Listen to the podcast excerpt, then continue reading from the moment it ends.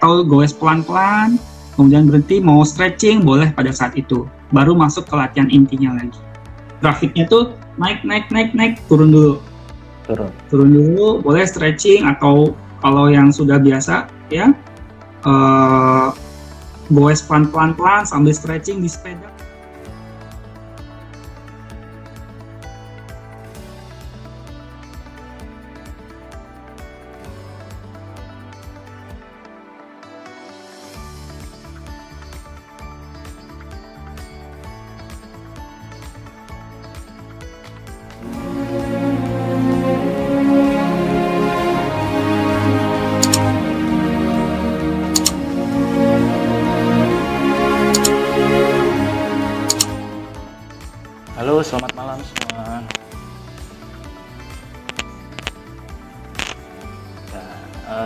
Kita akan memulai uh, sharing-sharing kita, ya, bertemakan perspektif fisioterapi di dalam uh, olahraga sepeda. Nah, nanti uh, pembicaranya ialah uh, Kak Rashid ya.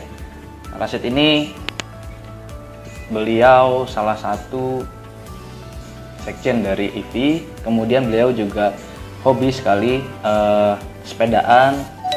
Jadi beliau sudah mengerti lah apa yang harus diperhatikan, kemudian uh, perspektif fisioterapinya seperti apa dalam bidang uh, sepeda olahraga sepeda. Nah, bagi teman-teman yang uh, ingin bertanya, nanti langsung aja tulis di kolom komentar Uh, nanti saya akan uh, menyampaikannya uh, kepada Kak Rashid ya. Oke, jadi kita tunggu dulu. Hobi berolahraga sepeda, uh, jadi seperti itu. Nah, sekarang nih Kak, uh, aktivitas sudah mulai uh, istilahnya apa ya? Sudah mulai sering untuk berolahraga sepeda nih Kak. Sebenarnya motivasinya selain uh, apa ya? Selain menyehatkan itu apa sih Kak? Gimana? motivasi kakak untuk uh, suka sepeda gitu selain menyehatkan gitu oke sebelumnya sih memang selain menyehatkan uh, apa ya nama saya ingin sebenarnya mencegah uh, kondisi penyakit kronis yang tidak menular. Saya pengen hmm. hari tua saya tuh bagus tidak tidak ada masalah jantung tidak masalah diabetes dan masalah metabolisme lainnya ya. Saya mencegah itulah tujuannya. Nah, dan saya juga Sebenarnya selain itu juga saya menguji beberapa metode latihan untuk kardiovaskular dan meningkatkan daya tahan berdasarkan dari teori-teori di fisioterapi terkait dengan rehab jantung. Jadi saya coba hmm, ngembangin. Okay. Tapi pro, jujur aja setiap program itu saya harus merasakan dulu ya karena prinsip saya adalah ketika sebelum diberikan ke pasien dalam praktiknya saya harus coba dulu apa yang dirasakan hmm. yang mungkin akan dirasakan dalam suatu treatment tertentu gitu. Oke. Okay. itu sebenarnya itu yang akan dirasakan. Jadi uh, ketika kita berbicara kepada pasien ya, kepada pasien kita fisioterapi ya yang mau untuk untuk mengembalikan fungsi ya, fungsi daya tahan ya mungkin kalau di rumah sakit kok pasiennya cepat capek ya ternyata mhm. ada beberapa cara untuk memperbaiki itu ya kan ada beberapa tahapan dan saya coba melakukan itu bertahap dan sampai sekarang hmm. pun saya coba bagaimana mendesain program latihannya khusus saya sendiri atau uh, untuk orang lain pun cocok nggak seperti itu. Oke. Okay. hmm Nah, sudah mulai seru ya teman-teman pembahasannya. Oke, jadi bagi kalian yang ingin tahu lebih dalam, silahkan tanya aja. Oke, jadi supaya kita juga bisa enak sharing-sharingnya gitu ya. ya. Nah, uh, uh, sebenarnya gini kak, banyak sih pertanyaan kayak sekarang kan lagi viral okay. nih kak ya. untuk olahraga sepeda ya. Oh. Nah, uh, sebaiknya itu jenis sepeda apa sih kak yang yang kira-kira bagus untuk kita gitu? Bagaimana kita cara menyocokkannya gitu kak? Oke, okay. sebelumnya saya coba jelasin beberapa tentang aktivitas fisik dengan sepeda. Ya beberapa manfaat okay. lah ya. Nah, memang aktivitas fisik uh, dengan sepeda ini sangat menyenangkan. Efeknya tuh menyenangkan kita tahu di WFH sekarang ya orang banyak berdiam di rumah di sejak mulai bulan Maret ya bulan ya, Maret itu orang kita kita pun ya berdua pun juga di rumah ya nggak ke mana-mana gitu karena khawatir dengan kondisi seperti ini Nah, pasti ada titik jenuhnya. Pada saat itu saya pun juga jenuh, di mana uh, saya ngerasa tubuh saya tuh nggak sehat jadinya karena di rumah. Tapi ya pada saat itu pun saya uh, coba untuk keluar, tapi dengan beberapa batasan lah. Saya sendiri dan tidak berdekatan dengan orang lain. Nah, memang yang kita tahu olahraga sepeda itu selain menyenangkan, selain mengolahragakan psikis kita, ya, tapi itu juga mengolahragakan atau melatih jantung paru kita supaya baik lagi ya. Hmm, nah, okay. kalau jantung paru sudah baik, pasti tubuh kita akan tereoksigenasi. Jadi akan mendapatkan oksigen baru dan oksigen tersebut akan dikirimkan ke seluruh tubuh kita dengan baik oleh sistem uh, mesin di dalam tubuh kita itu jantung dan paru kita. Nah, okay. itu untuk dikirim ke mana? Ke sistem-sistem pencernaan, ke sistem gerak, ya. Dan uh, yang paling paling banyak makan besar ya tergantung aktivitas fisik ya oksigennya itu akan dikirimkan sesuai dengan aktivitas fisik. Kalau kita lagi berpikir ya pasti kirimkan banyak ke otak. Tapi kalau lagi makan banyak ke sistem pencernaan. Tapi kalau saat berolahraga itu otot-otot akan menerima oksigen lebih banyak dan memecah uh, sistem energi yang ada di dalam tubuh kita. Dan uniknya lagi uh, olahraga sepeda ini itu akan melatih sistem keseimbangan tubuh ya sistem keseimbangan tubuh terkait karena berdiri langsung di tanah, tapi kita bergantung pada dua roda sebenarnya. Hmm. Jadi benar-benar benar-benar mengatur sistem keseimbangan tubuh.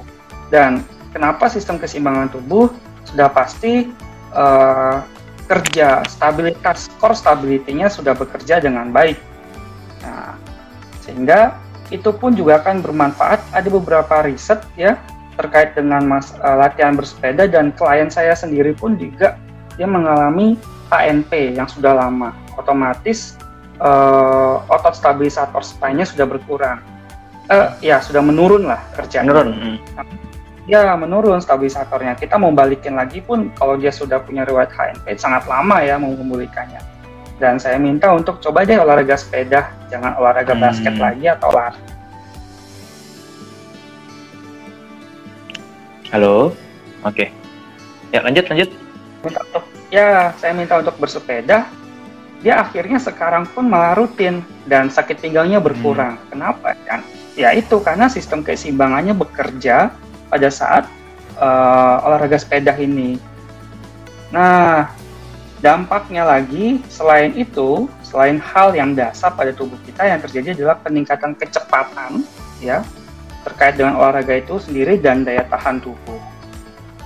Nah, okay. mau nggak mau pas sistem metabolisme kita tuh bagus ya, hormon kita bagus dan sekarang tuh lagi naik-naiknya, gencar-gencarnya campaign tentang uh, efek olahraga terhadap imunitas ya karena oksigen yang masuk ya, dalam tubuh lebih banyak sebenarnya ya kan karena oksigen banyak yang menerima ya kan terus diserap oleh tubuh hormon bekerja banyak ya dan ya imunitas pasti meningkat. Meningkat. Ini saya pun okay. rasakan sendiri. Uh, setelah satu jam itu saya merasa sepeda setelah satu jam itu rasanya menyenangkan sekali. Happy rasanya yang tadinya mungkin sebelum sebelum latihan tuh aduh banyak yang dipikirkan ya kan, tapi setelah satu jam sepeda menyenangkan, happy rasanya. Jadi ya saya mau kerja mau nanganin pasien berapa banyak pun juga kuat-kuat aja karena saya happy sebenarnya. Gitu. Hmm, jadi bisa sebagai stress relief juga ya kak ya untuk sepedaan ah, itu. Ya, ya stress relief betul di pagi hari. Kalau kalau di pagi hari saya merasa itu jadi energi, justru menjadi energi ya. Oke. Okay. Nah terkait dengan tipe sepeda nih, tipe sepeda ya yang harus uh, banyak sih tipe sepeda yang bisa digunakan. Yang paling standar adalah uh, mungkin teman-teman sering lihat tuh MTB bentuknya dan murah ya terjangkau tipenya. XC atau uh, bentuk atau sebutannya cross country ya 100 km uh, XC ya tapi banyak yang uh, tipe sepeda itu yang level-level ya profesional uh, amatir atau pemula kemudian entusias ya atau profesional ya nah selain itu ada beberapa uh, sepeda BMX ya kan, dirt ya. slope ya. Atau ada trail ya yang sebenarnya uh, itu sepeda-sepeda teknikal bukan untuk sepeda hmm, uh, harian ya kak? bukan harian hobi ya, uh. hobi. Dan itu yang memacu-macu adrenalin. Adrenalin. Hmm, yang lain seperti sepeda free ride or downhill ya. Downhill, downhill ya. uh, downhill itu sepeda adrenalin sebenarnya. Hmm. dan sepeda pun sekarang udah berlevel kelasnya dari level Betul. yang murah sampai paling mahal sampai yeah. Iya. Mungkin sekarang yang lagi viral itu yang ini ya kak, yang berbentuk Sally gitu ya? Sally. Yang kecil ya. itu yang lipat ya. Ya Sally itu, itu lucu, ya kan? Ya, Kemudian secara mobilitasnya bisa dibawa ke mana-mana. Ya sekarang coba fleksibel ya.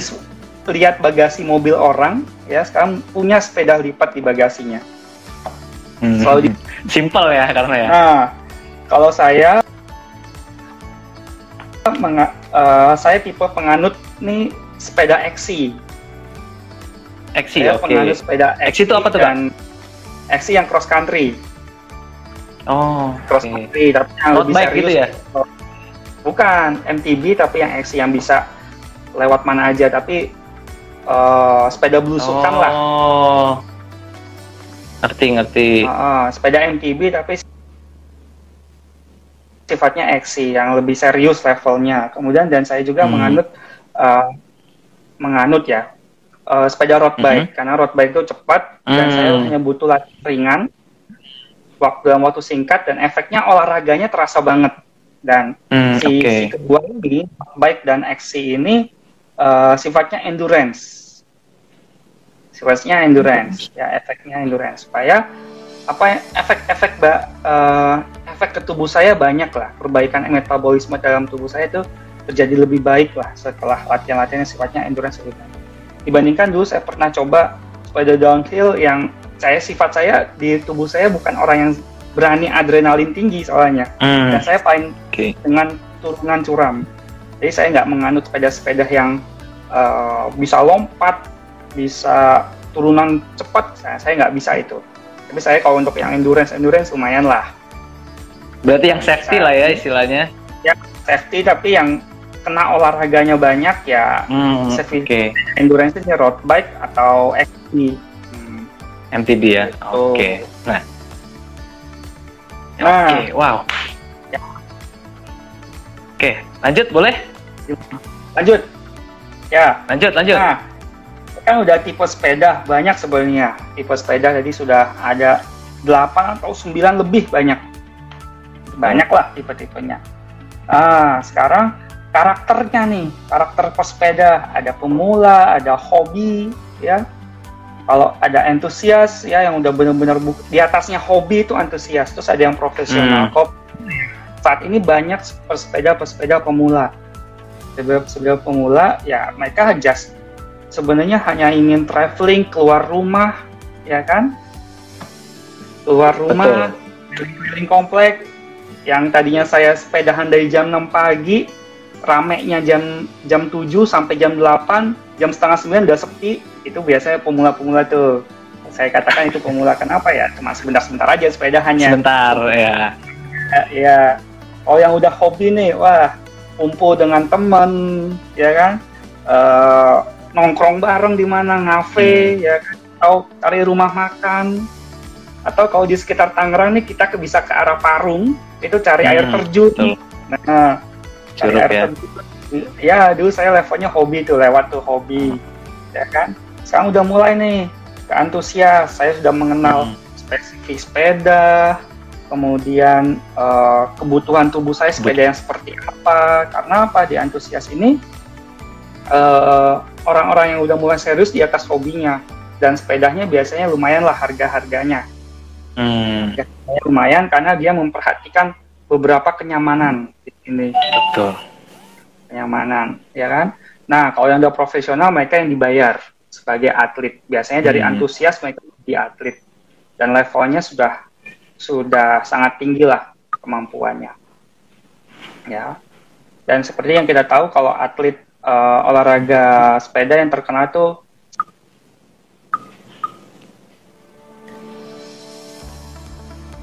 Halo? Oke. Di gunung. Paling cepet tuh, pakai road bike di paling cepet nanjaknya. Kayak jagoannya dia, Hmm. oh, atlet ya, saya- yang saya kenal ya. Tapi ada beberapa banyak. eh, Sorry kak, boleh diulangin atlet siapa kak? Tadi sempat terputus. Aiman Cahyadi kalau nggak salah. Aiman Cahyadi. Oh oke. Uh, uh, Cahyadi kalau ya. di road bike ya di, di banyak juga di MTB cross country lumayan. Daerah Tangerang nih di daerah Tangerang lumayan banyak. Kemudian yang terkenal saat ini si ini nih eh, yang mantan pembalap pembalap motor Honda Motor. ya Muhammad Fadli ya Eh, ya, eh, Fadli, ya. yang kelompok Muhammad Fadli yang dia sekarang dari pembalap menjadi atlet paralimpik atlet sepeda paralimpik. M Fadli Hmm. atlet sepeda Oh, udah oke. profesional levelnya itu Hmm. Nah, itu teman-teman, wah menarik ya. Eh, bagaimana sih eh, kita ngomongin tentang hobi, eh, perspektif fisioterapi dalam bidang eh, olahraga sepeda. Nah, ini ada beberapa pertanyaan sudah masuk nih kak. Oke, untuk yang pertanyaan pertama, Oke. pertama kita langsung aja dari Geni Febri Febri Zali Putri. Ada klien yang Oke, sedang hobi sepeda kakak. oke gimana Ah, datang ke studio dengan keluhan leher sakit, Hmm. badan shifting dan trapezius kaku banget. Nah, kita mulai visio dari mana ya kak? Mungkin perspektifnya kita apa dulu nih yang yang kita tangani nih kak? Nah, seperti itu. nah kalau itu kan sudah case-nya ya sudah case-nya menurut saya sudah kasus ketemunya. Nah tentu yang pertama kita perhatikan adalah posturnya dulu. Postur tubuhnya Oke, postur saat ya. itu. Kemudian ya eh, itu berkait dengan upper cross syndrome. Banyak di Hmm. pesepeda itu namanya upper cross syndrome. Dan eh, ini juga terkait dengan posisi statis. Misalnya dia rutin bersepeda tanyakan saja berapa lama bersepeda berapa dalam sekali bersepeda berapa jam ya kan? Dan itu eh, perlu memperhatikan posisinya. Posisi sepeda atau bentuk sepedanya juga sangat mempengaruhi ya. Nah ini juga kalau untuk menangani ya tentu kita harus coba analisa posturnya bagaimana. Dan yang paling penting sebenarnya pada masalah servikal ini adalah otot-otot penopang atau stabilisator eh, skapula. Kenapa saya bilang skapula? Karena si leher ini melayang, tulangnya melayang sama seperti lumba. Dia sangat bergantung oleh eh, otot yang di sekitarnya dan penopangnya yaitu pada toraks. Nah, otot di sekitar leher itu sebenarnya nempelnya itu pada skapula. Kalau skapulanya eh, pro- eh, protraksi, ya itu kan berdampak pada si eh, gangguan lehernya atau terlalu retraksi atau ada wing scapula juga mempengaruhi dan juga bisa eh, berpengaruh pada eh, apa namanya erector spine perlu memperhatikan. Nah kalau itu sudah ditangani masalahnya, tentu kita harus bisa mengevaluasi terkait dengan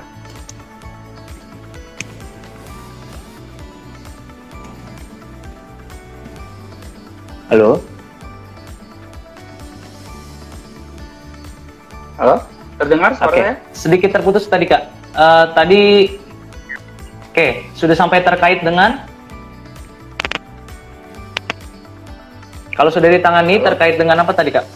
Halo? Ya, terkait dengan itu, sudah kalau sudah ditangani, maka langkah selanjutnya untuk mencegah supaya dia tetap bisa bersepeda, maka memperhatikan posisi sepedanya, Hmm, posisi oke. bersepedanya.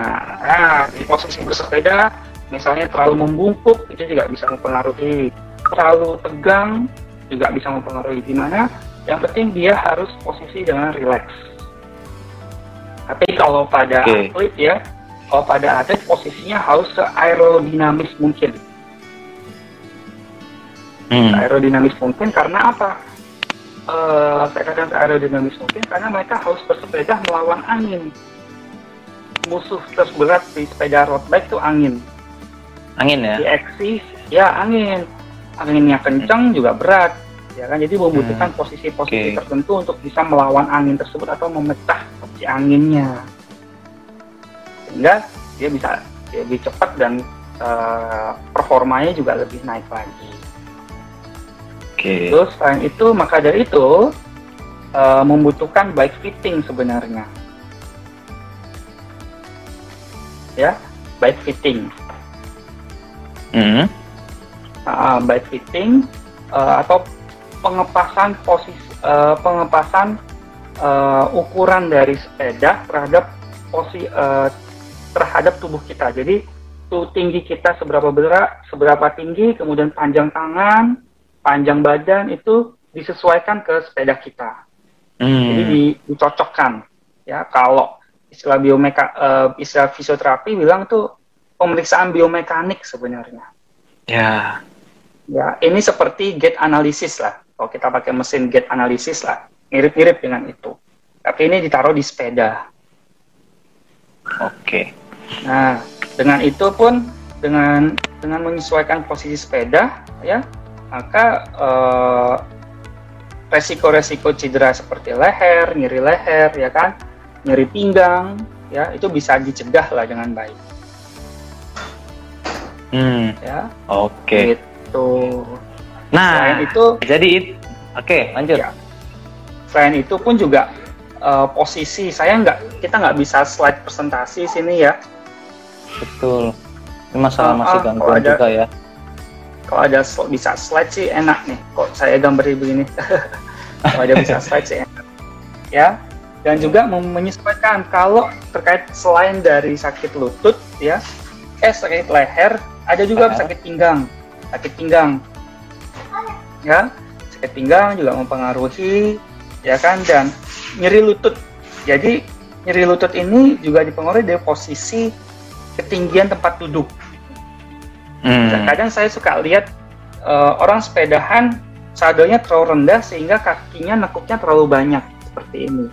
Ah oke. Okay. ya kalau terlalu banyak seperti ini ya dampaknya si tempurung pressernya lebih tinggi tinggi ya oke okay lebih tinggi. Nah, maka dari itu mungkin kalau kita sebagai fisioterapis ya harus menyesuaikan uh, tinggi sadel, evaluasi lagi tinggi sadel dengan dari apa namanya pedal ya, sadel dan mm -hmm. pedal itu harus sesuai. Jangan sampai ketika ditekuk lututnya pada fase tekuk lututnya lebih lebih jauh dari uh, ibu jarinya.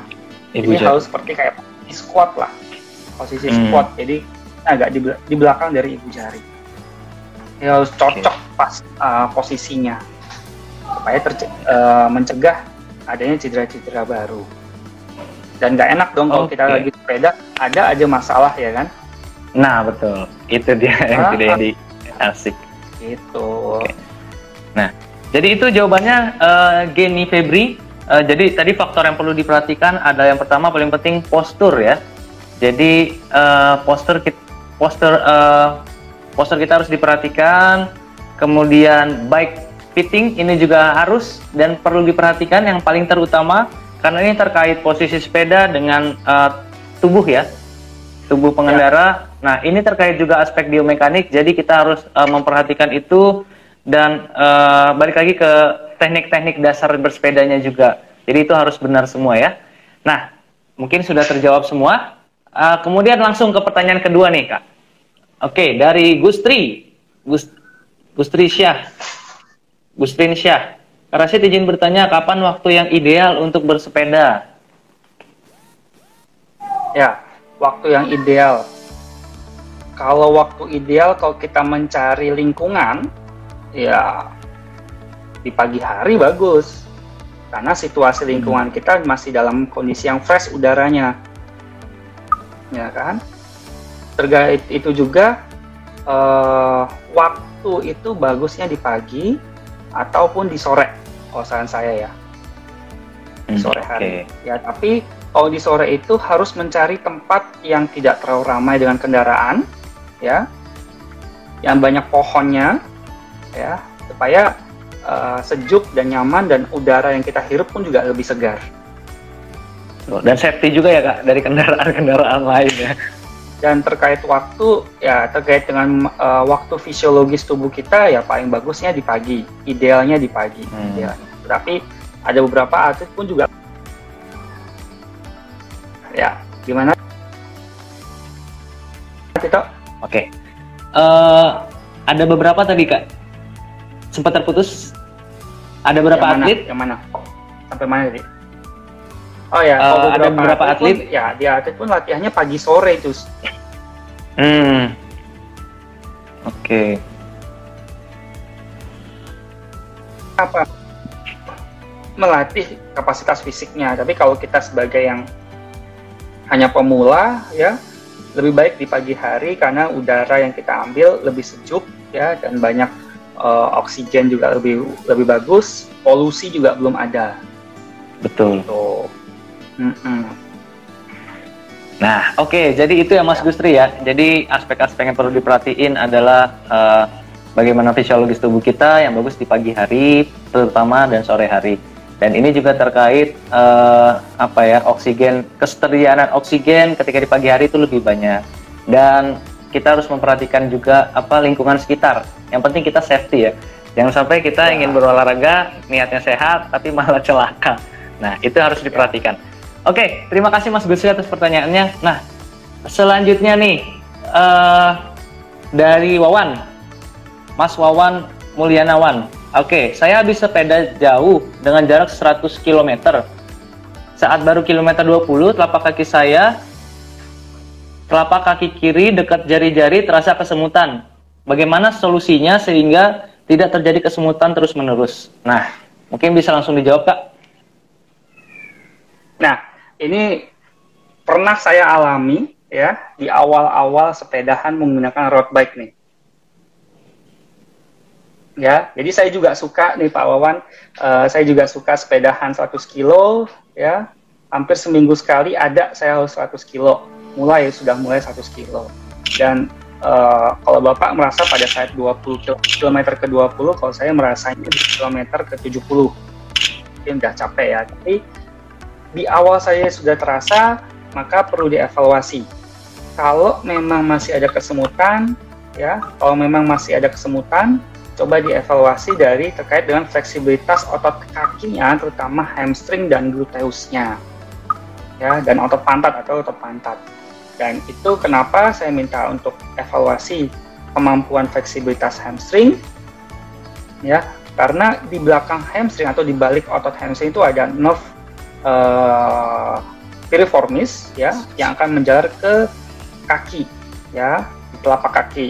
Nah, kalau itu tertarik-tarik ketika sepedahan ya, ketika sepedahan tertarik-tarik atau pantatnya tidak bekerja dengan baik, otot pantatnya ketika goes itu tidak atau pedaling itu tidak benar, maka pressure pada beban pada otot eh beban pada saraf piriformis akan semakin tinggi dan rasanya itu Hmm. ada di telapak kaki bagian luar. Nah, sebelah sini nih. Jari-jari di sini Hmm. ya, telapak kaki. Dan itu itu ini.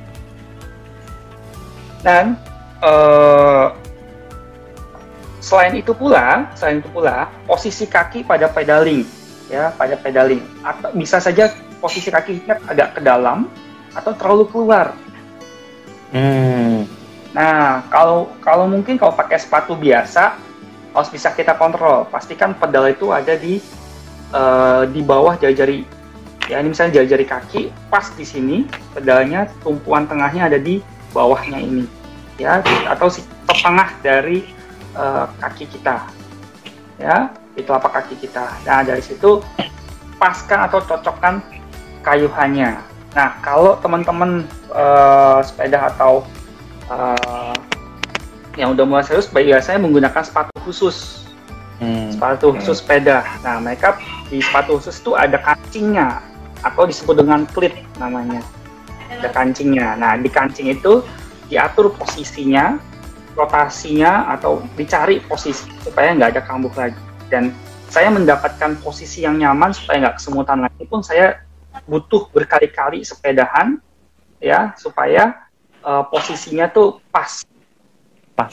kadang ini harus diputar dulu supaya aman terus digoes lagi hari ini bagaimana ada masalah apa enggak ya harus dicari lagi. Biasanya seperti itu. Maka itu butuh eh, ada bike fitting ada foot fitting namanya penyesuaian posisi sepatu terkait dengan klip. Nah Oke. supaya nggak coba cek fleksibilitas hamstringnya ya, kemudian uh, cek posisi kakinya ketika sepeda, hmm. evaluasi lihat ke bawah bagaimana, tapi hati-hati lihat sepeda, jangan sampai uh, meleng ya. ya. Kemudian uh, apa itu namanya? Uh, memperhatikan lihat posisi kaki, cari posisi tahan posisi tersebut misalnya pada posisi lurus ditahan apakah selama 20 km ada lagi terasa atau tidak. Kalau sudah mulai hmm. berkurang, oh pos tahan pada posisi tersebut. Padang okay. posisi kaki. Sebentar, saya ambil charger dulu ya. Eh boleh boleh boleh. Nah, jadi itu ya jawabannya Mas Awan. Uh, jadi kita harus memperhatikan aspek food fittingnya juga, kemudian uh, food fitting terkait uh, bagaimana biomekaniknya, presisi atau tidak, pas atau tidak untuk Mas itu sendiri. Nah, uh, ini memang yang banyak dialami oleh para uh, sepedawan, eh, sepedawan, para uh,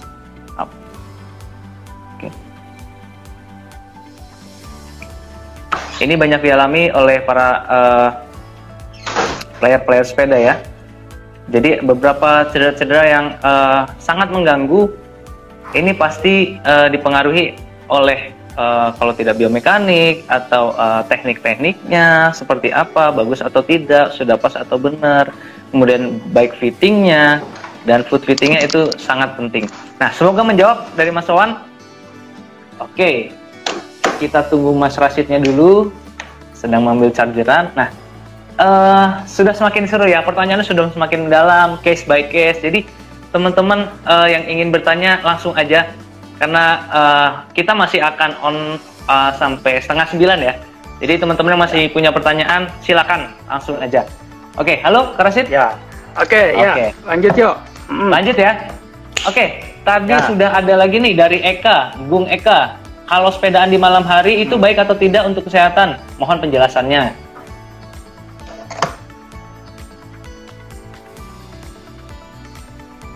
Bagaimana? Oke, Rashid. Dari Gung Eka ya. bertanya kalau sepedaan di malam hari itu baik atau tidak untuk kesehatan. Mohon penjelasannya. Olahraga kalau sepeda di malam hari itu baik atau tidak? Betul. Ah, ya. Berkaitan baik atau tidak itu variatif ya kalau menurut saya karena belum ada yang menjelaskan secara pasti terkait dengan masalah pada sepeda malam hari. Hmm belum ada nih. Kalau di riset pun juga belum ada dan saya pun juga uh, lumayan sering sepedaan di malam hari ya. Nah, tapi tetap memperhatikan ketika di malam hari itu kondisi fisik yang paling penting. Ya. Ya, kondisi fisik yang paling penting. Kita seharian bekerja, kita seharian bekerja, lelah, jangan sampai kita uh, kita paksakan diri untuk uh, olahraga malam, hmm. ya olahraga malam di malam hari yang resikonya lumayan. Kalau kita udah capek ya kita tahu fatigue itu responnya tuh nggak baik buat tubuh kita. Ya khawatirnya kita juga belum kenal tubuh kita kita paksakan olahraga malah menjadi serangan jantung pada saat itu karena terlalu lelah sebenarnya tubuh. Hmm. nah yang penting sih kalau saya pun nggak ada masalah untuk olahraga malam ya di sepeda sepeda malam karena banyak juga teman-teman di selain sepeda juga futsalan malam juga banyak ya ya sebenarnya nggak ada masalah. Cuman uh, beberapa adaptasi yang dirasakan oleh tubuh itu harus dirasakan efeknya setelah operasi eh setelah operasi setelah bersepeda. Ada beberapa sepeda. orang ya orang yang sudah olahraga ya dia nggak nggak bisa tidur kalau nggak olahraga pada saat itu. Ada. Hmm, okay. justru ada yang karena olahraga dia jadi on terus karena dia berolahraga jadi on terus. Karena apa? Karena tubuhnya dia mungkin ya oksigennya sudah habis di pagi hari atau di saat bekerja atau aktivitas di siang sampai sore ya terus masuk oksigen baru ya masuk oksigen baru metabolismenya. Jadi mungkin yang udah sering olahraga metabolismenya oke dia begadang oke nggak ada masalah sebenarnya. Hmm. tapi sebenarnya itu yang bahaya ya yang berbahaya. Harus tetap ada waktu istirahatnya. Satu jam cukup untuk di malam hari karena apa kita okay. kita tahu banyak aktivitas di saat uh, so, siang ke sore lumayan tinggi lah itu aktivitasnya kalau misalnya bekerja bekerja yang berat ya atau yang pada tingkat kerja stres tinggi lebih baik jangan terlalu lebih dari 60 menit menurut saya. Hmm. Oke, okay. ya itu uh, itu jawaban dari Karasit. Uh, jadi ada, ada beberapa aspek yang harus diperhatikan ya kak ya. Yang ya. pertama paling penting adalah faktor kesehatan. Nah, ini ya. sangat-sangat ya. penting. Oke, okay. uh, semoga menjawab pertanyaan dari siapa tadi? Uh, oh, Gung Gung Eka. Oke, okay. terima Eka. kasih Mbak Gung Eka. Ya, Gung Eka. Oke, okay. pertanyaan selanjutnya. Oh, sudah mulai ramai nih kak pertanyaannya kak. Oke, okay. dari Indah, Indah Setiana. Pak, untuk pasien HNP lebih bagus menggunakan sepeda statik atau yang mobile ya? Ya, untuk pilihan sepeda nih bagus nih HNP. Ya, karena pasien saya kemarin itu juga HNP. Ya, awalnya ya, saya minta untuk yang statis dulu, statis dan uh, apa itu namanya? Statis dan tidak banyak tidak membungkuk. Hmm. Ya, tidak membungkuk karena kalau membungkuk ya uh, pasti akan menimbulkan nyeri lagi. Jadi cari posisi yang sedikit upright atau tegak. Nah, setelah itu mulailah kalau sudah mulai terkontrol, pennya tidak ada menjalar, ya, boleh lompat atau beralih ke sepeda uh, sepeda jalan, ya, sepeda mobile, ya. Tapi dicari posisi-posisi yang nyaman tertentu, ya, pada posisi-posisi tertentu, cari posisi yang nyaman. Nah, biasanya yang disarankan posisi yang upright, yang tegak. Hmm. Tapi kalau ototnya sudah mulai kuat, tidak ada masalah, tidak ada nyeri lagi, ya, uh, udah boleh agak sedikit mem membungkuk sedikit, tapi ada beberapa sudut yang diperbolehkan, ya. Hmm. ya.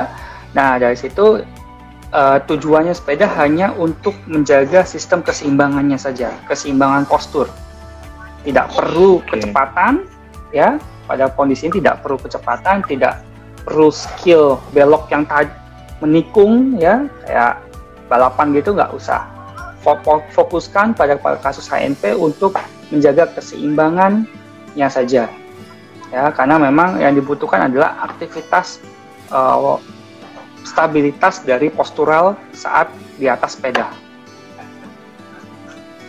Hmm. Gitu. Oh. Oke, wah jelas sekali ya. Hmm. Jadi itu ya uh, jawabannya. Uh, sehingga beberapa hmm. pun juga uh, alhasil ya beberapa klien yang uh, sudah ditangani dan sudah saya edukasi untuk menggunakan sepeda beralih olahraga sepeda pun ya mereka nggak merasakan nyeri lagi. Ya, okay. merasakan nyeri. Yang penting awalnya adalah menjaga keseimbangan dan stabilitas kan yang penting oksigenasi masuk ke dalam tubuh supaya otot-otot penahan pinggang ya atau lumbal itu bekerja dengan baik lagi. Hmm. hmm. Oke. Okay. Nah, jadi itu ya Mbak yang harus diperhatikan Mbak Indah. Oke. Okay. Untuk pasien kasus HNP uh, eh, sangat penting untuk menjaga keseimbangan postural ya dalam uh, sepedaan. Jadi itu harus diperhatikan dan uh, Mas Rashid bilang di awal kita harus berikan istilahnya kita memberikan edukasi kepada pasien untuk uh, sepeda statis dulu. Kalau misalnya sudah tidak ada nyeri, uh, tidak ada keluhan, baru bisa kita uh, berikan sepeda yang mobile seperti itu. Oke, semoga menjawab Mbak Indah. Oke, kita lanjut aja. Wah, sudah penuh pertanyaan nih Pak. Nah, dari Pak Indra Syah Mirza. Oke, bertanya apakah F fisioterapi bisa berperan dalam olahraga bersepeda komunitas dengan sport tourism. Oke, terima kasih Papi atas pertanyaannya. Oke, langsung aja Kak. Oke. Ah, ini dia. Oke. Lanjut, oke, lanjut. Oke, lanjut. Oke, tadi pertanyaan dari sudah sudah oke ya? Sudah. Oke. Terakhir pertanyaan dari Pak Indra, uh, apakah sport visio. Kalau sebentar saya juga lupa. Oke. Mana tadi? Apakah uh, fisioterapi bisa berperan dalam olahraga bersepeda komunitas sebagai sport tourism? Ya menarik sekali pertanyaannya. Ya, sebelumnya Pak Indra ini ketua PFOI, ya, guru saya, ya. Beliau juga uh, lagi fokus dengan sport tourism, ya, di materinya sebelumnya.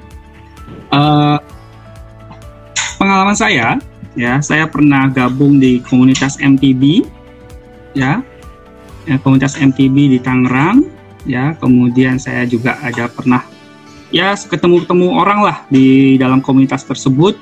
Terus saya pernah ikut tour Tangerang Anyer dalam beberapa pada beberapa kondisi eh, beberapa grup ya dan itu kurang lebih lumayan banyak ya. Nah terkait dengan peran fisioterapi justru saya di situ dalam komunitas lebih banyak mengedukasi ya pada kegiatan yang berkumpul ya tidak banyak yang kayak press apa tour yang terlalu berat ya. Tapi sebelumnya yang paling langkah pertama yang kita bisa lakukan adalah edukasi ya. Bagaimana menangani kram yang benar karena banyak teman-teman olahragawan pun eh, teman-teman persepeda tuh nggak ngerti cara stretchingnya ya kan. Terus bagaimana warming up-nya yang bagus ya kan. Kemudian bagaimana mengatasi uh, atau mencegah nyeri lutut paling sering ini nyeri lutut di samping hmm. sisi samping nah itu paling sering tuh ya atau disebut dengan ITB friction syndrome tuh paling banyak yang terjadi pada pesepeda nah kemudian uh, itu di luar dari uh, kegiatan olahraganya ya tapi hanya kumpul-kumpul di komunitasnya saja tapi ketika oh. pada saat saya mengikuti tour Tangerang Anyar yang terjadi saat saya sebagai pesepedanya juga tapi saya juga diandalkan sebagai medisnya di saat itu. Nah, saya bidangnya adalah fisioterapi. Dan pada saat itu pun saya berperan terkait dengan masalah kondisi cedera yang terjadi di lapangan atau terjadi di jalan kalau di sepeda ya. Pada saat itu terjadi dialami uh, salah satu uh, cyclist kita keserempet truk kalau nggak salah. Sudah tua, ya serempet truk dan dia sampai mental dan pada saat itu saya melakukan penanganan pertama hmm. ya pak emergency uh, menurut saya sih hampir mengarah emergency tapi syukurnya tidak ada masalah pada saat itu ya sehingga pada saat itu peran saya di sana adalah sebagai medis dan menjaga uh, kondisi si uh, peserta pada saat itu. Dan yang bagi baik lagi ke kondisi si orang yang mengalami serempet tadi ya.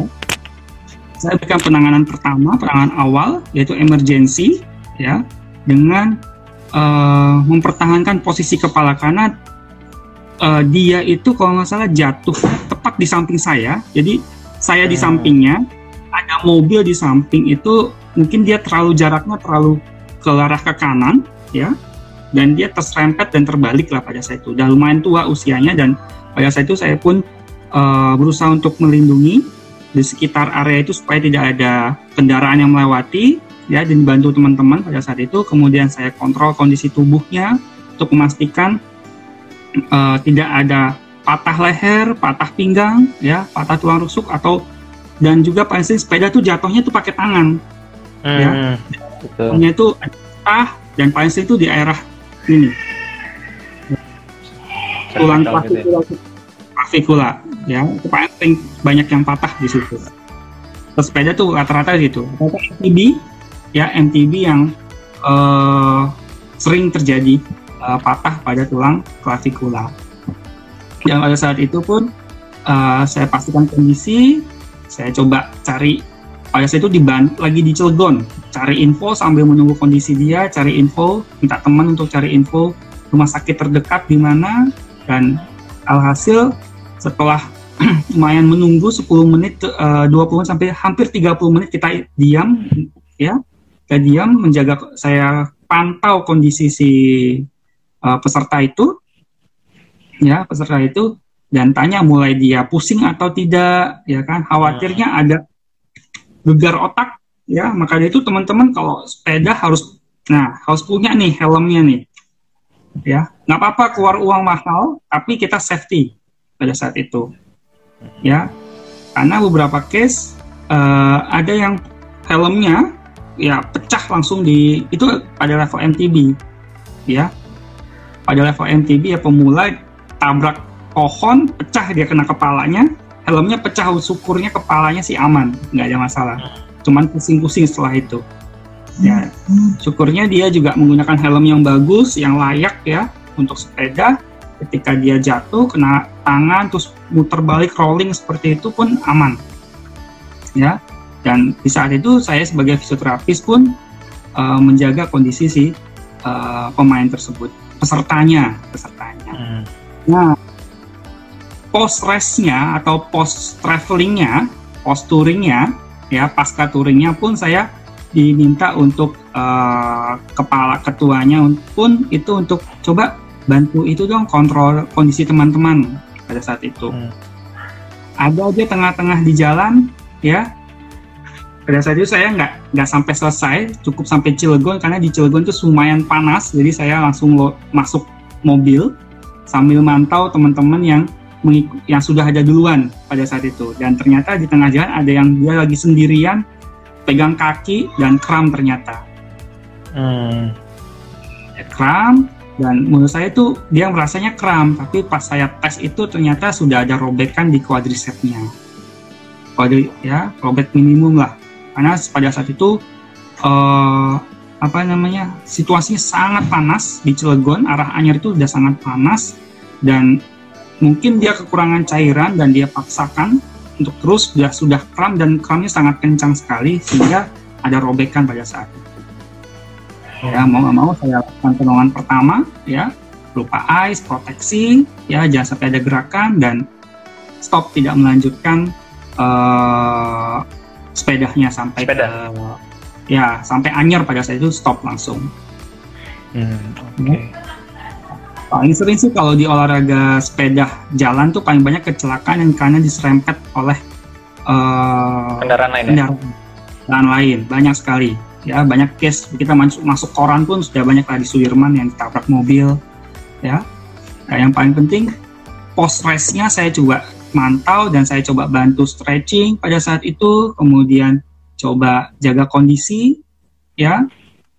Uh, pesertanya pada saat itu membantu dan lumayan pada saat itu ada 40 peserta kalau nggak salah 40-50 peserta kalau jadi kita nutupin jalan pada saat itu kita bareng-bareng hmm. -hmm. jadi kesimpulannya sangat bisa ya kak ya sangat bisa jelas sangat bisa. ya tinggal okay. kita uh, startnya mulai dari proses edukasi kita kumpul dengan mereka hmm. ya kumpul kemudian tanya-tanya ngobrol-ngobrol aja dengan mereka, kemudian gabung dengan kegiatan-kegiatan mereka karena uh, apa tuh namanya uh, fisioterapis ya bagi bagi mereka taunya hanya di rumah sakit saja, tapi hmm. kita terus olahraga harus bisa terjun di situ. Dan saya sebenarnya selain selain itu saya pengen terjun di situ supaya bisa masyarakat tahu tentang fisioterapi itu apa. Gitu.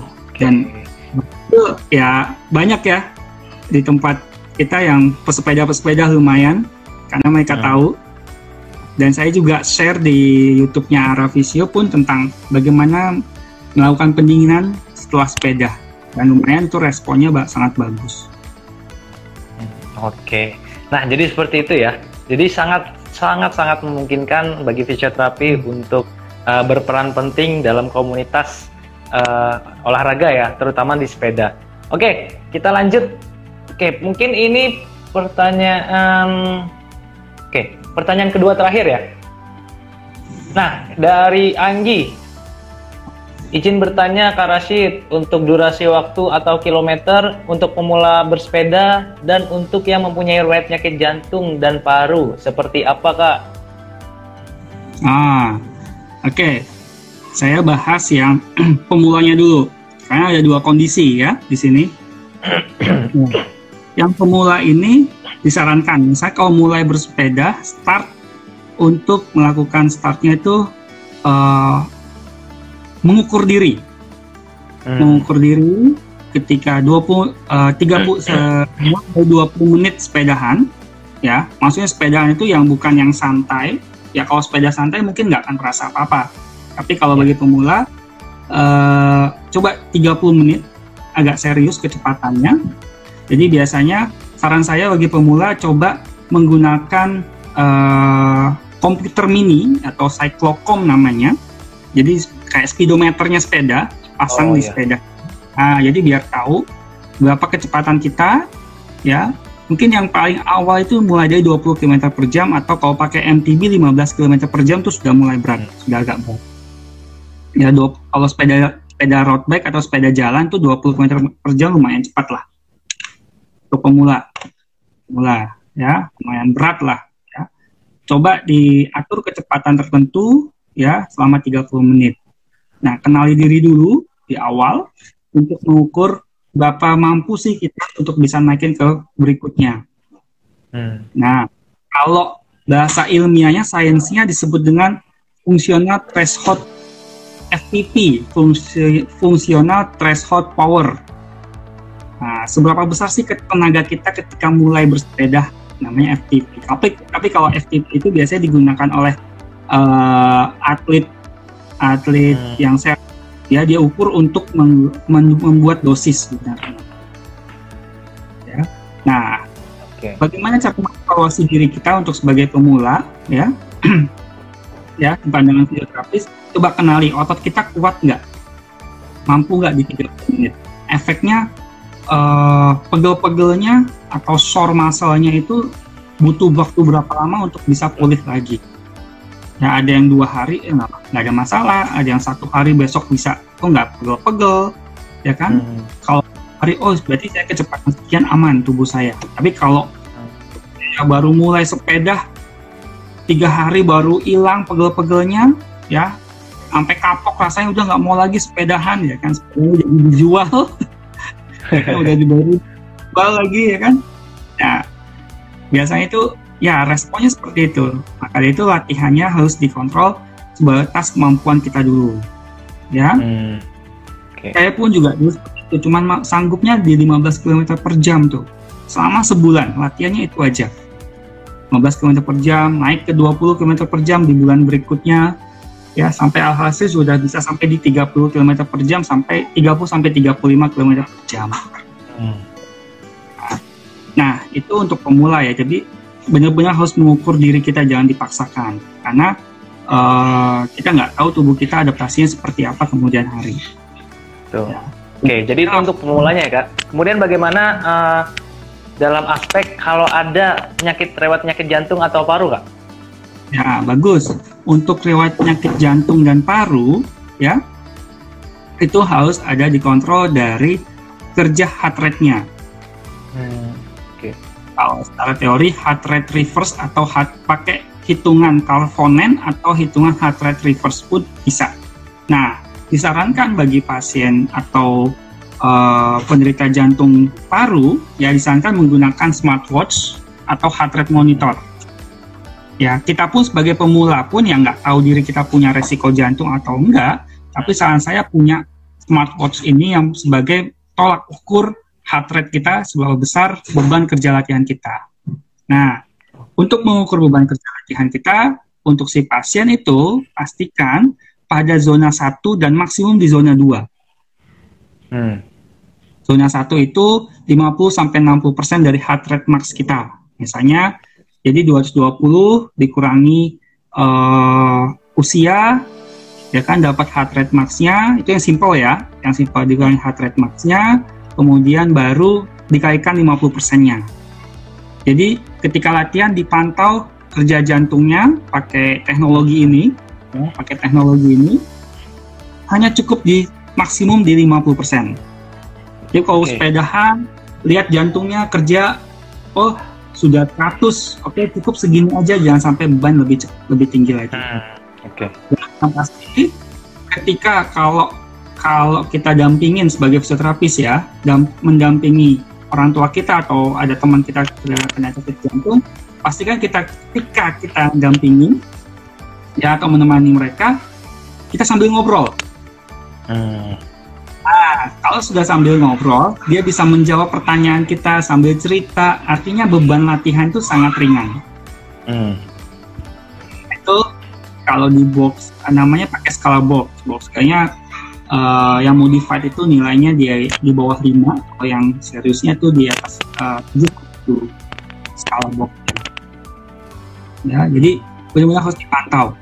Ya ya mudah adalah menggunakan heart rate. Dan hampir semua olahraga endurance sekarang disarankan untuk menggunakan heart rate monitor.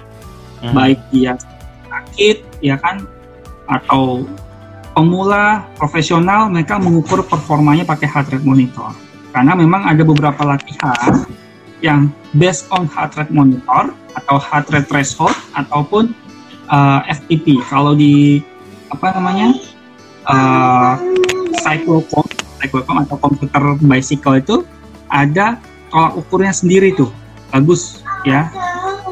Tolak ukurnya sendiri. Tapi yang untuk pemula saran saya pakai heart rate monitor. Nah kan banyak nih yang pesepeda meninggal karena serangan jantung atau memaksakan sepeda itu karena sebenarnya uh, apa namanya dia tidak mengenal dirinya sendiri hanya terpacu oleh emosi atau semangat dengan teman-temannya saja.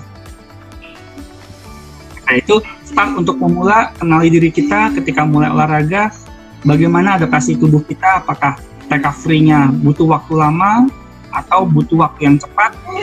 Kalau yang sudah biasa latihan sih biasanya cepat recovery-nya, tapi kalau yang baru pemula recovery-nya lumayan lama.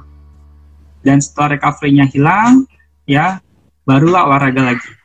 Mulai menurun, pegel-pegelnya sudah agak menurun, baru olahraga lagi. Oke. Okay. seperti Nah, jadi seperti itu ya. Uh, tadi pertanyaan dari kalau sebentar. Tanya dari siapa tadi ya? Udah lewat itu. Nggak ketemu. Oh iya, udah lewat. Uh -uh. Oke, pertanyaan dari Anggi. Oke. Ya hmm, itu. Ya. Jadi itu ya Mas Anggi ya. Untuk pemula jadi kita harus tahu diri kita batasannya seperti apa sampai mana sejauh mana.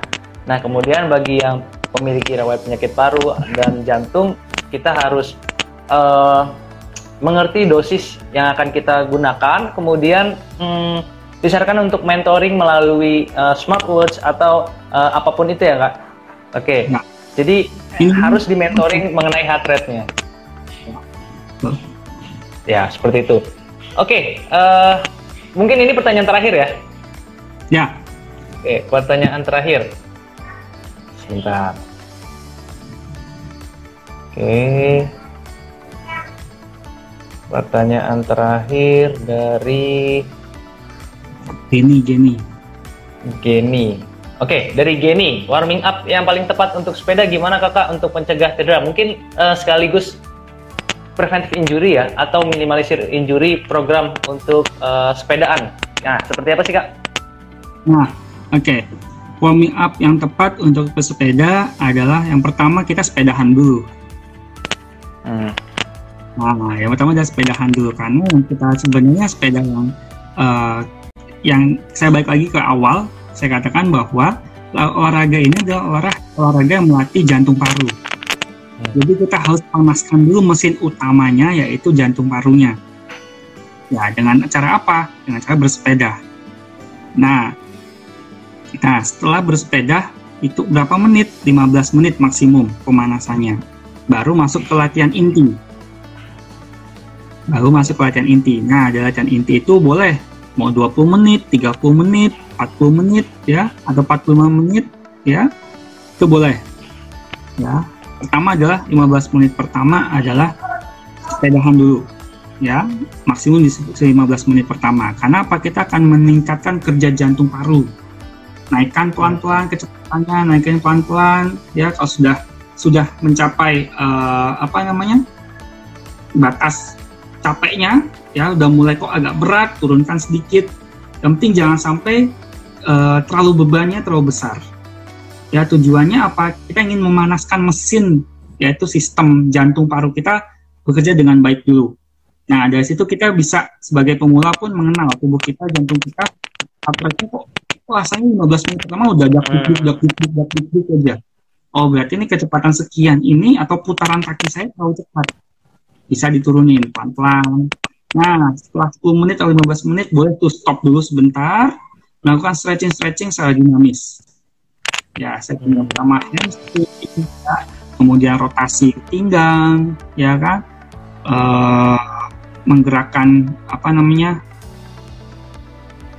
menggerakkan stretching yang mencium, mencium lutut minimal adalah mencium lutut atau stretching quadricep. Tapi yang paling penting adalah kita memanaskan sistem jantung parunya yang bagus. Nah, ya setelah itu baru otot-otot kita boleh dilaksana di, di stretching lah, dilakukan stretching. Hmm. Uh, okay. aman. Saya pun kalau di pola pola latihan saya tuh 10 menit eh, setiap 5 menit tuh naik beban kerjanya 5, 5, uh, 5 menit 5 menit pertama heart rate saya di zona 1 5 menit kedua heart rate saya di zona 2 5 menit 3 heart rate saya di zona 3 kemudian istirahat drop istirahat dulu boleh berhenti ya. Atau goes pelan-pelan kemudian berhenti mau stretching boleh pada saat itu. Baru masuk ke latihan intinya lagi. Hmm. jadi kalau grafiknya tuh naik naik naik naik turun dulu. Turun. Turun dulu boleh stretching atau kalau yang sudah biasa ya uh, goes pelan-pelan pelan sambil stretching di sepeda. Ada beberapa teknik stretching sepeda ya. Lumayan skillnya keseimbangannya lumayan banyak. Saya suka lakuin itu. Mulai dari stretching hamstring pun bisa.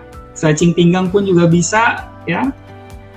Di posisi sepeda. Lagi sepedahan tuh sepeda lagi jalan tuh bisa ya kan? Asal situasi lingkungannya menyesuaikan me, hmm. bisa menyesuaikan. Mendukung. jangan rame. Hmm. Mendukung ya mendukung. Kalau saya senangnya di tempat yang sepi. Lumayan lah sepi dan enak suasananya. Dan juga cari tempat sepeda supaya enak ke arah yang arah uh, traveling tempat-tempat yang menyenangkan lah. Dan gunung kota sebenarnya sana ya kan? Habis itu baru masuk latihan inti. Latihan inti dinaikkan heart rate-nya ke titik yang ingin dilatih. Di mana itu? Misalnya di zona 2 tahan kerja kerjanya di zona 2 atau ditahan di kecepatan tertentu kalau misalnya pakai speedometer ya. Tahan kecepatan tertentu di situ. Itu bisa dilakukan seperti itu.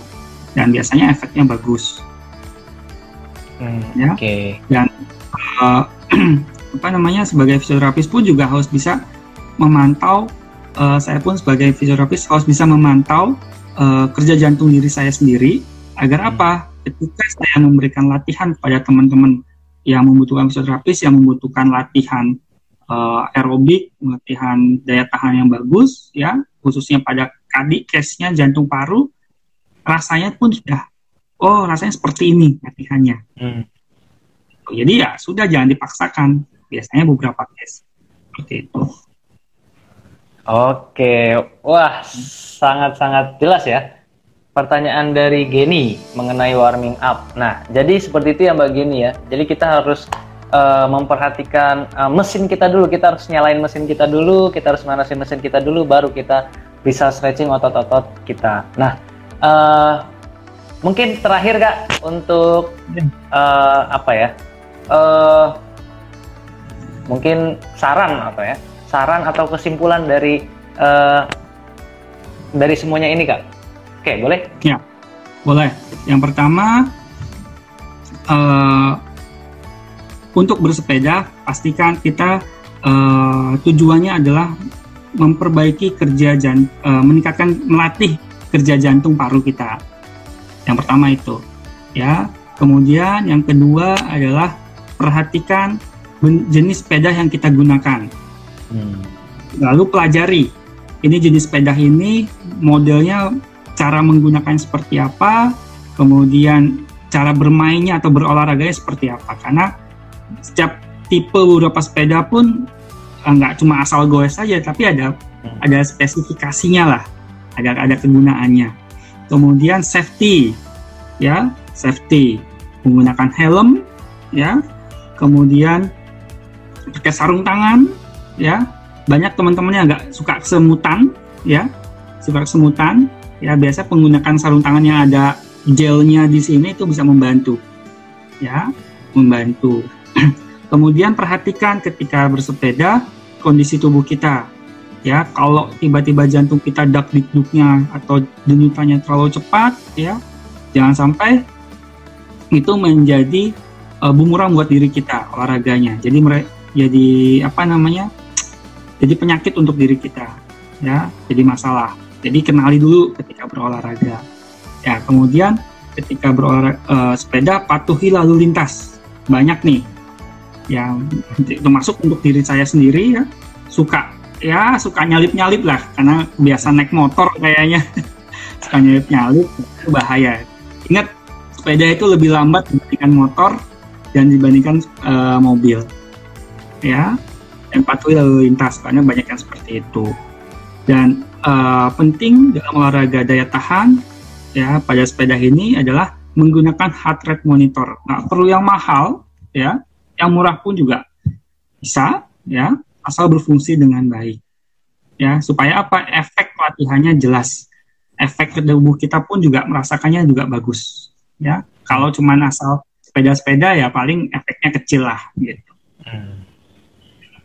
Dan untuk okay. mencegah untuk mencegah cedera, coba lakukan bike fitting ya sebenarnya bike fitting itu bisa dari handphone kita ya bike fitting bisa kita pakai aplikasinya bisa kita download ya kita pakai kamera minta teman yang fotoin bagaimana posisi sepeda saya bisa dipelajari ya tapi kalau butuh profesional lumayan di, di Jakarta lumayan banyak di Tangerang juga ada beberapa tempat untuk bike fitting biasanya udah agak lebih antusias lah mereka ke sana hmm. gitu ya saya kira itu aja dari saya. Wah, oke. Okay. Terima kasih banyak Kak Rashid uh, atas sharing-sharingnya, sangat bermanfaat buat kita semua. Uh, menambah ilmu juga bagi saya terutama dan mungkin bagi teman-teman yang lainnya yang belum tahu mengenai bagaimana perspektif fisioterapi dalam dunia olahraga uh, sepeda.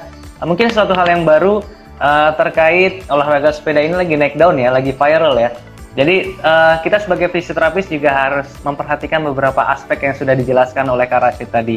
Nah, uh, dan yang paling penting, poin yang paling penting adalah uh, saya mengutip kata-kata uh, dari Kak Rashid, uh, bagaimana kita sebagai fisioterapis harus mencoba atau uh, melakukannya terlebih dahulu sebelum kita melakukannya ke pasien kita, supaya kita tahu bagaimana rasanya, bagaimana pasien itu merasakan, dan nantinya sehingga uh, kita bisa mencapai goals kita dalam uh, treatment atau dalam bidang penyembuhan uh, pasien kita sendiri.